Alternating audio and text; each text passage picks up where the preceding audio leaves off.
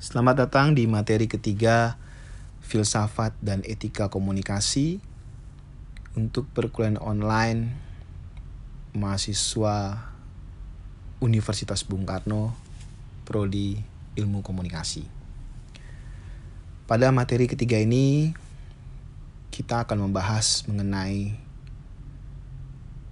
perspektif atau paradigma dari positivisme.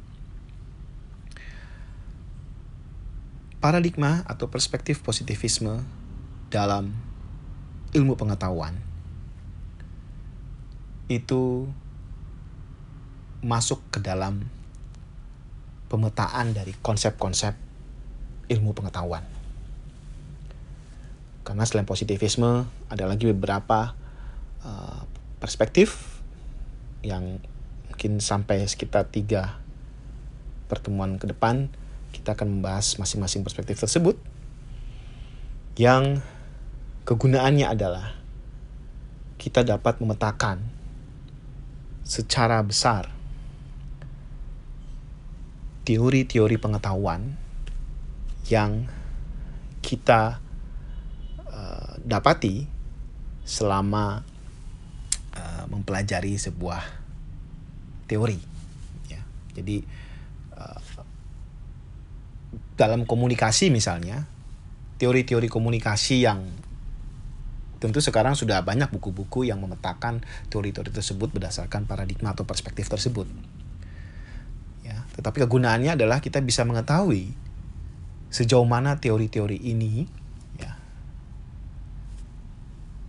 bisa dikatakan masuk dalam sebuah perspektif ya di mana pemetaan ini bergunanya adalah untuk kita bisa lebih uh, mendalami lagi ya secara filosofis tentunya apakah kategori teori yang kita lakukan sekarang ini sebetulnya uh, seperti apa sih dalam konsep filsafat ilmu gitu loh. Mungkin gak sih teori yang kita sifatnya adalah melahirkan solusi, solutif misalnya ya, atau empiris itu, itu benar gak sih? Kenapa kalau kita katakan benar, kok masih ada lagi yang menentang implementasi itu? Jadi contohnya sederhananya adalah ketika kita mempraktekkan suatu teori, menjadi sebuah praktek, kok praktek itu terkadang tidak sesuai dengan kenyataan atau praktek itu kok dianggap salah ya sama beberapa orang yang memang mumpuni tentang hal itu. Nah, kembali lagi kita kepada uh, konsep tadi bahwa bisa saja ya orang yang mumpuni dalam mengkritik praktek dari teori yang kita pakai itu dia menggunakan perspektif lain.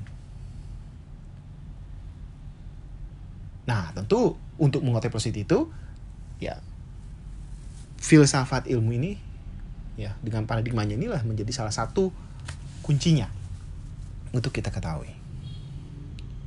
Ya, karena e, memang dalam dunia real yang kita butuhkan adalah uh, ya how to praktek bagaimana prakteknya ya seperti apa ya tapi dalam filsafat tentu kita bahas sudah minggu lalu bahwa dalam pertanyaannya ya apakah mungkin yang kamu lakukan ini atau praktek itu adalah sebuah solusi ya tentu kalau kata perspektif lain belum tentu atau ada solusi lain dari perspektif lain itu juga bisa jadi ada satu tawaran solusi tapi tawaran solusi lain dari perspektif lain. Nah, inilah kegunaan perspektif itu atau paradigma. Nah, salah satu paradigma ya, nanti ada beberapa paradigma yang kita akan bahas untuk pertama ini adalah paradigma atau perspektif positivisme. Baik, kita mulai masuk ke pembahasan. Sebetulnya apa sih yang dimaksud dengan positivisme itu sendiri? Ya. Positivisme ya, kalau kita lihat dari akar sejarahnya itu dipelopori oleh uh, Saint Simon dan Auguste Comte. Ya. Keduanya yaitu ingin membangun suatu studi ilmiah terhadap masyarakat yang berdasarkan prinsip studi ilmu-ilmu alam atau ilmu pasti. Kenapa demikian? Ya. Nah, sebelum kita masuk kenapa demikian, kita kembali lagi refleksi, ya. Kenapa Comte mengatakan demikian? Comte mengatakan demikian karena terpengaruh oleh pandangan empirisme, ya, yang hanya mengakui fakta yang dapat diamati sebagai sumber ilmu pengetahuan dan menolak unsur-unsur lain seperti psikologis ya dan lainnya itu memasuki wilayah ilmu pengetahuan. Ya, Comte ingin mencoba membebaskan uh, klaim-klaim ya, dari ilmu-ilmu yang lain tersebut dari ilmu pengetahuan. Jadi Comte hanya menerima pengetahuan secara faktual, fakta positif, yaitu fakta yang terlepas dari kesadaran individu fakta positifis adalah fakta yang real atau yang nyata. Ya. Dapat diuji, dapat diverifikasi oleh setiap orang yang mau membuktikannya. Sehingga manusia dan masyarakat dianggapnya sama dengan alam. Ya.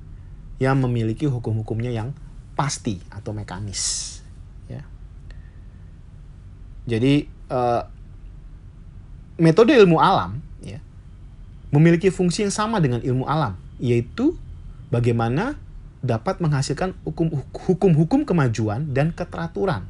Sehingga dengan hukum itu, sosiologi atau ilmu sosial dapat mengontrol dan menciptakan kondisi yang lebih baik bagi umat manusia. Nah, tadi saya katakan, ya, kenapa ini menjadi alam? Kalau kita bicara secara historisnya, masa itu masa ketika Comte mendeklarasikan menyatakan bahwa ilmu sosial atau ilmu e, ilmiah itu harus berdasarkan ilmu alam atau ilmu pasti itu dipengaruhi oleh keadaan zamannya. Pada masa Comte itu, masa-masa e, mulai masuknya modernitas. Masa-masa setelah ya pada masa abad pertengahan itu sudah mulai uh, mengalami kekacauan ya. Kemudian munculnya uh, penemu-penemu ya. ada penemu mesin cetak ada penemu kompas ya. Ada penemu mesiu ada penemu-penemu berbagai macam penemu-penemu yang kaitannya dengan ilmu uh, teknikal mekanis pasti. Sehingga ada pencerahan ilmu-ilmu apa uh, penemu-penemu itu ada pencerahan bahwa oh inilah telah terjadi sebuah era cerahan pencerahan. Ya. Era pencerahan yang mencerahkan publik masyarakat bahwa abad pertengahan itu kan didominasi oleh kekuatan kekuatan-kekuatan spiritual ya mitos agama dan sebagainya. Ya itu sekitar abad tahun-tahun 13-an ya 12-an sampai 13-an. Nah, yang menariknya adalah abad pertengahan itu hancur karena pada saat itu di Eropa khususnya ya, hampir setengah penduduk Eropa itu itu tewas atau meninggal karena wabah pandemi penyakit namanya Black Death. Ya, yang pada masa itu pandemi itu menghancurkan semua eh, setengah orang Eropa di abad pertengahan sehingga abad pertengahan runtuh karena adanya pandemi tersebut.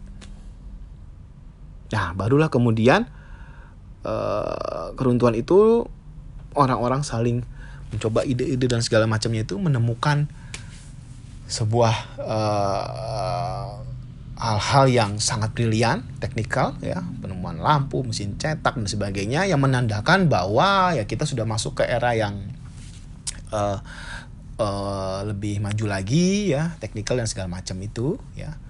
Yang kemudian dia dianggapnya sebagai pencerahan ya. Jadi adanya pandemi ini kemudian uh, belajar dari uh, refleksi dari keadaan sebelumnya yang begitu uh, membuat pemikiran-pemikiran orang Eropa itu uh, terkoptasi oleh spiritualitas ya Nah, mereka kemudian mencoba dengan kepastian ini ilmu-ilmu itu uh, uh, ilmu-ilmu yang berbaik teknikal tadi ya yang menggambarkan ada solutif ya.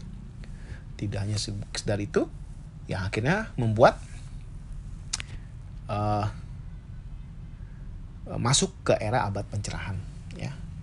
Nah pencerahan kemudian menuju ke revolusi industri pada uh, uh, kemudiannya ya. Lanjutannya ke revolusi industri. Nah di masa-masa pertengahan itulah ya antara dari pen, uh, itu apa abad pertengahan tersebut ya yang dengan pandemi tadi kemudian masuk menuju ke abad model, uh, pencerahan dan modern ini Comte itu membuat suatu studi tentang prinsip ilmu alamnya makanya kenapa berdasarkan prinsip studi alam empiris dan juga ada fakta dan uh, ada fakta yang terlihat melalui kesalahan individu ya. Yang fakta yang real atau yang nyata itu kan terpengaruh oleh tadi ya. Di dalam ilmu pengetahuan itu eh, beberapa ilmuwan-ilmuwan itu menemukan hal-hal yang real yang dapat diuji. Sehingga oh ya ini akhirnya ini bisa sesuai. Jadi di masa itu penemuan itu mempengaruhi cara berpikir di era itu berarti segala sesuatu harus sesuai dengan studi ilmu alam ilmu pasti ya dan harus terbukti dan sosial ilmu sosial baginya adalah untuk mengatur ya kemajuan dan keteraturan tersebut. Jadi udah penemuan teknis tadi didukung dengan ilmu positif eh, dengan pandangan positifis Comte ini ya akhirnya ilmu sosial hanyalah dapat menciptakan kondisi yang lebih baik buat manusia. Jadi manusia bisa mengikuti kondisi dari perkembangan uh, tadi ya, penemuan-penemuan tadi atau uh, perkembangan ilmu pengetahuan pada masa itu ya. Nah, uh, Comte menganggap bahwa penginderaan atau akal budi manusia di mana saja dikuasai hukum oleh hukum alam, hukum universal yang tahapnya sama, ya. Jadi dia melihat ada tiga tahap perkembangan masyarakat, yakni tahap teologis, metafisis, dan positifis. Ya. Tahap dari teologis ini adalah tahap di mana manusia masih mencari sebab pertama atau tujuan akhir dari segala sesuatu. Jadi dia melihat semua peristiwa alam ini diyakini adalah kekuatan supernatural, dewa-dewa atau segala macam itu. Ya. Kemudian permasalahan dan jawaban terhadap pertanyaan fenomena alam dikembalikan lagi kepada kepada kepercayaan yang bersifat teologis. Ya, yang bersifat teologis yang menurut Comte terdiri dari tiga tahapan yaitu animisme, politeisme, dan monoteisme. Nah, tahap ini mulai mengalami krisis dengan munculnya pencerahan atau renaissance. Ya. Jadi tahap yang masih percaya dengan dewa-dewa spiritual tadi ini dipengaruhi oleh tahap teologis ini digambarkan ada tahap-tahap mungkin bisa digambarkan tahap-tahap abad pertengahan. Ya. Renaissance itu abad pencerahan, ya. Kemudian masuklah ke tahap metafisis. Ya, tahap ini dapat dikatakan merupakan modifikasi dari tahap teologis. Ya. Tapi tahap pada tahap ini kekuatan dewa diganti oleh kekuatan entitas metafisik. Ya. Jadi uh, substansi, esensi, roh dan ide itu dianggap ada pada setiap benda. Jadi pada tahap ini manusia merumuskan jawaban atas fenomena alam dengan mencari sebab-sebab pertama dan tujuan akhirnya. Ya. Sehingga uh, antara tahun 1300-an sampai 1800-an era-era Renaissance itu abad pencerahan uh, reformasi dan revolusi dan revolusi Prancis dianggap sebagai masa transisi ke tahap positivisme atau ke tahap modern. Jadi di tahap metafisis ini selain perpaduan tadi antara pandangan uh, spiritual ya dan sebagainya itu lalu digabungkan dengan penemuan-penemuan yang bersifat mekanis tadi ya. Nah, barulah kemudian tahap terakhir tahap positivis atau tahap modern. Tahap inilah ada tahap berpikir tahap ini adalah tahap berpikir yang real, faktual dan nyata sebagai dasar pengetahuan. Jadi Comte berpendapat bahwa tahap positivis ini merupakan puncak perkembangan dari tahap umat manusia. Jadi artinya positivisme itu adalah segala sesuatu yang nyata, yang jelas, yang pasti dan yang bermanfaat.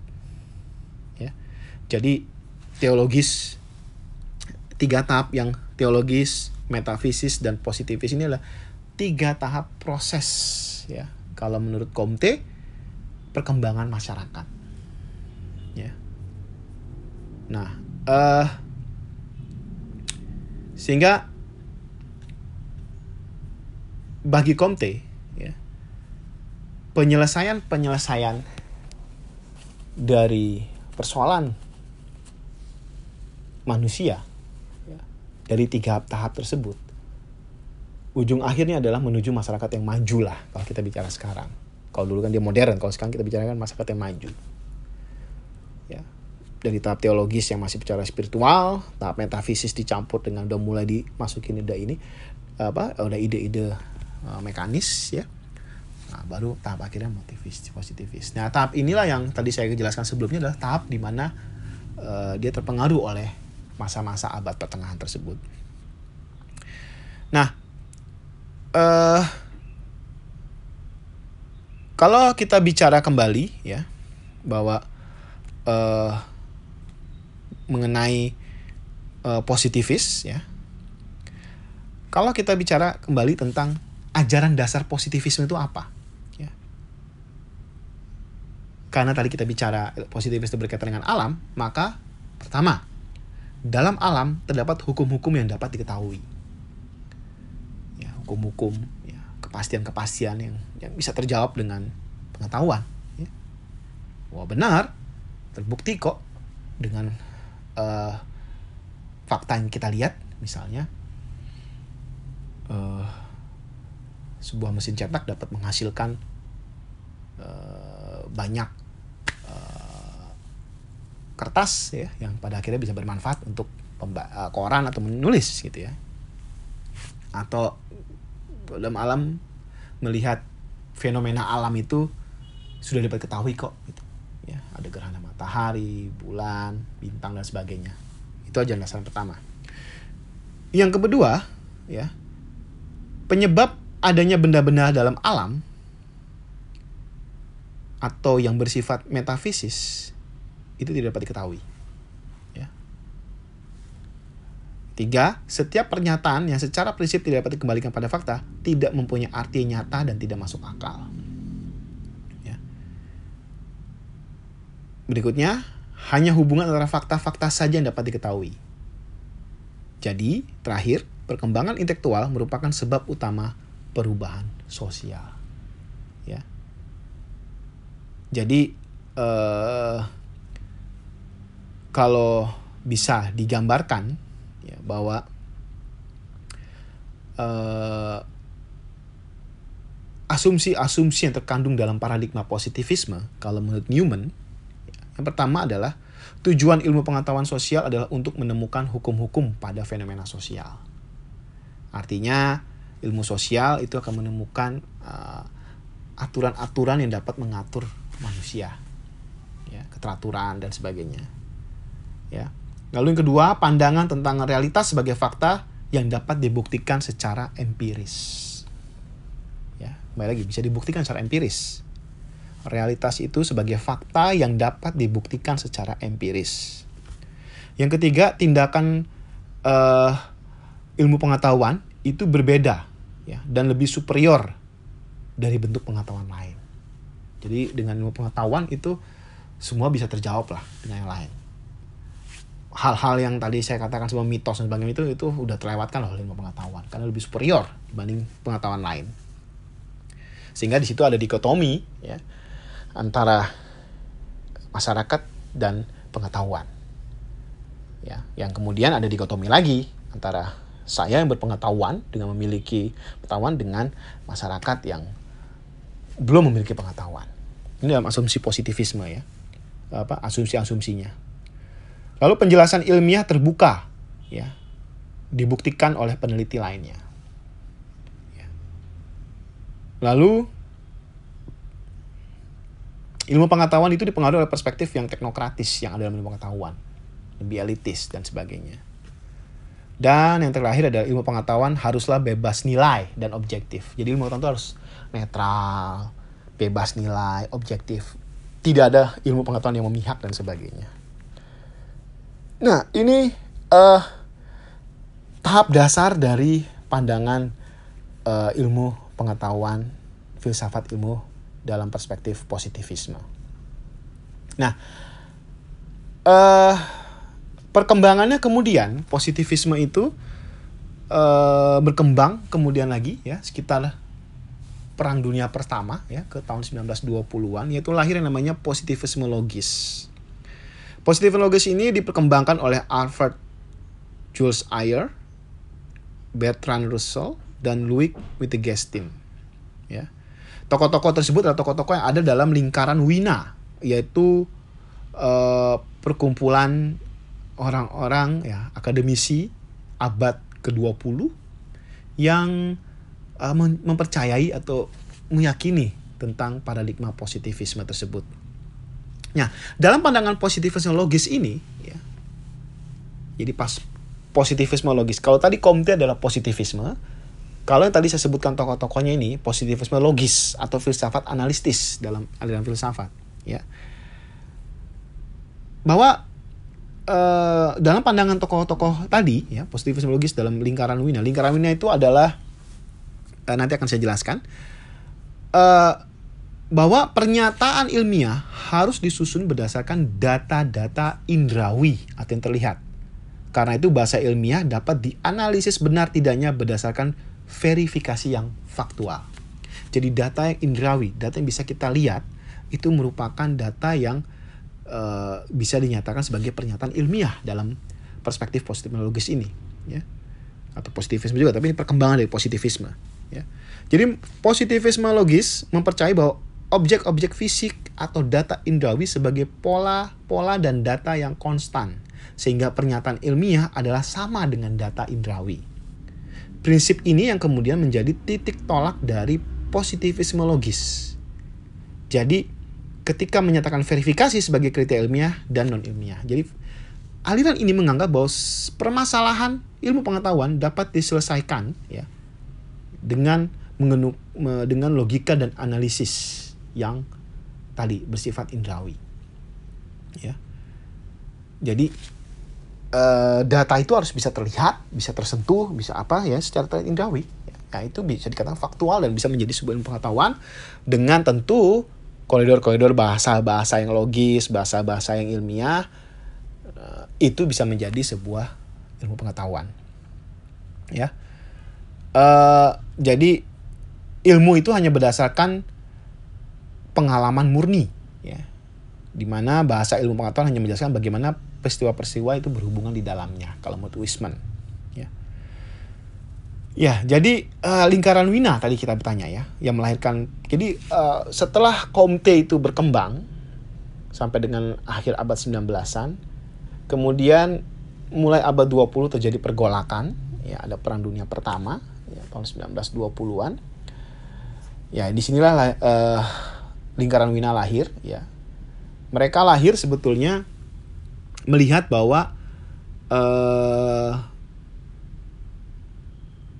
konteks masyarakat Eropa pada awal abad 20, ya, terutama saat Perang Dunia Pertama baru usai, itu banyak kekuatan politik seperti kerajaan, pemerintahan yang hancur seperti uh, kita lihat di Rusia ya itu tadinya kerajaan Tsar hancur kemudian uh, banyak peta politik Eropa itu berubah ya dan banyak korban di kalangan uh, utamanya di kalangan generasi muda tetapi uh, akibat perang tersebut akibat perang dunia tersebut ya menimbulkan kesadaran baru terhadap ilmu pengetahuan. Karena itu muncul semangat baru untuk membangun Eropa yang hancur di landasan, di landasan ilmu pengetahuan. Jadi kalau pra, kalau Comte itu terpengaruh oleh abad pertengahan ya dengan hancurnya melalui pandemi tadi Black Death dan salah satu pemicunya ya. Tapi di satu sisi juga ada peran-peran lain dari orang uh, masyarakat di sana yang kemudian melahirkan pandangan positivisme Positivisme logis itu juga dipengaruhi oleh keadaan pada masanya itu. Yaitu pada masa ketika Perang Dunia Pertama itu uh, di Eropa itu terjadi tatanan perubahan di masyarakat yang begitu berubah total ya. Dan kita lihat, kita ketahui bahwa Perang Dunia Pertama ini itu uh, banyak yang hancur itu adalah negara-negara yang monarki kerajaan-kerajaan tersebut ya dihancurkan oleh Perang Dunia Pertama yang kemudian lahir berikutnya nanti ke peran dunia kedua yang lebih bersifat nanti akhirnya ideologis.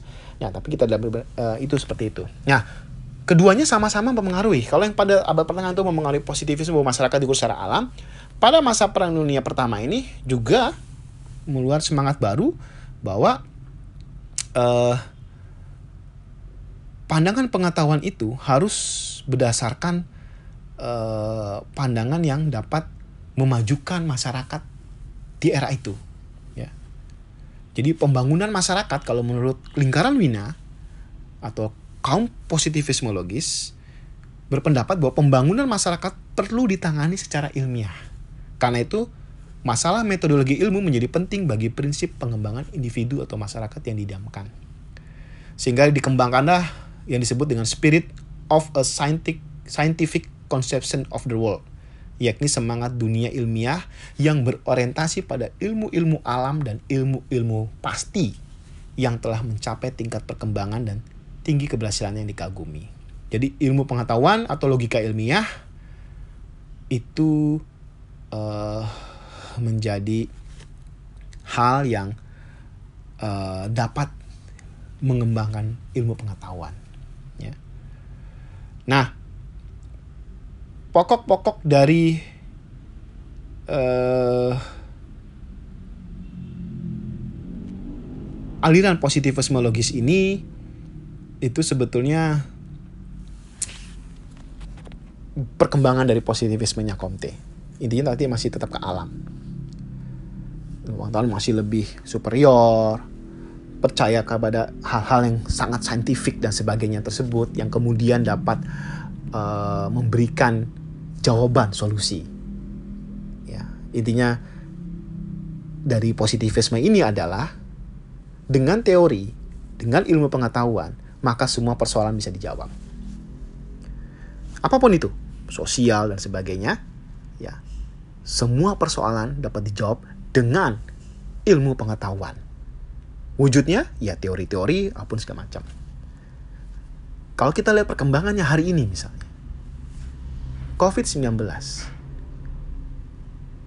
Kalau kita bicara dalam pandangan positivis, maka kita bisa meyakini bahwa kemajuan teknologi digital melalui digitalisasi tersebut dapat memberikan jawaban-jawaban atas persoalan-persoalan sosial di bawah yang tidak bisa dijawab.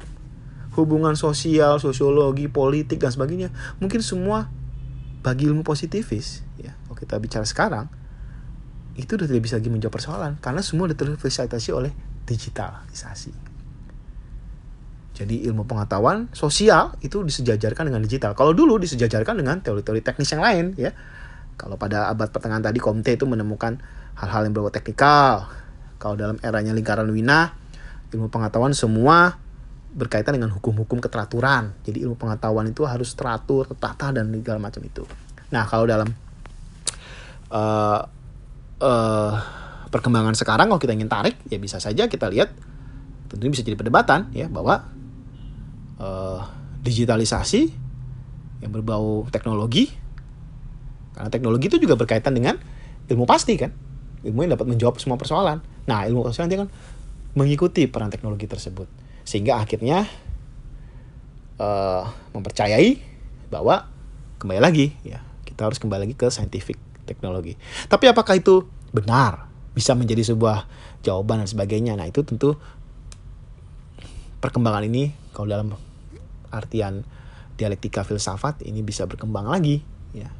Apakah ini juga nanti ada kaitannya dengan industri kapitalisme dan sebagainya? Nah itu nanti kita bahas uh, berikutnya. Ya uh, jadi intinya dalam pandangan positivisme ini ya bahwa uh, kalau kita kaitkan ya dengan berbagai ilmu pengetahuan bahwa Teori atau ilmu pengetahuan adalah sebuah jawaban dari semua persoalan. Dan itu bersifat pasti. Ya, dengan kaidah-kaidah tadi dan tujuannya teori itu adalah pengetahuan itu untuk mengatur keteraturan masyarakat. Nah, Anda bisa uh, membayangkan atau mengimplementasikannya dalam uh, berbagai macam teori ya, terutama dalam komunikasi seperti apa. Nah, itu bisa Anda bayangkan positivisme di mana. Ya, jadi uh, demikian materi ketiga ini. Saya ucapkan terima kasih uh, dan salam sehat selalu.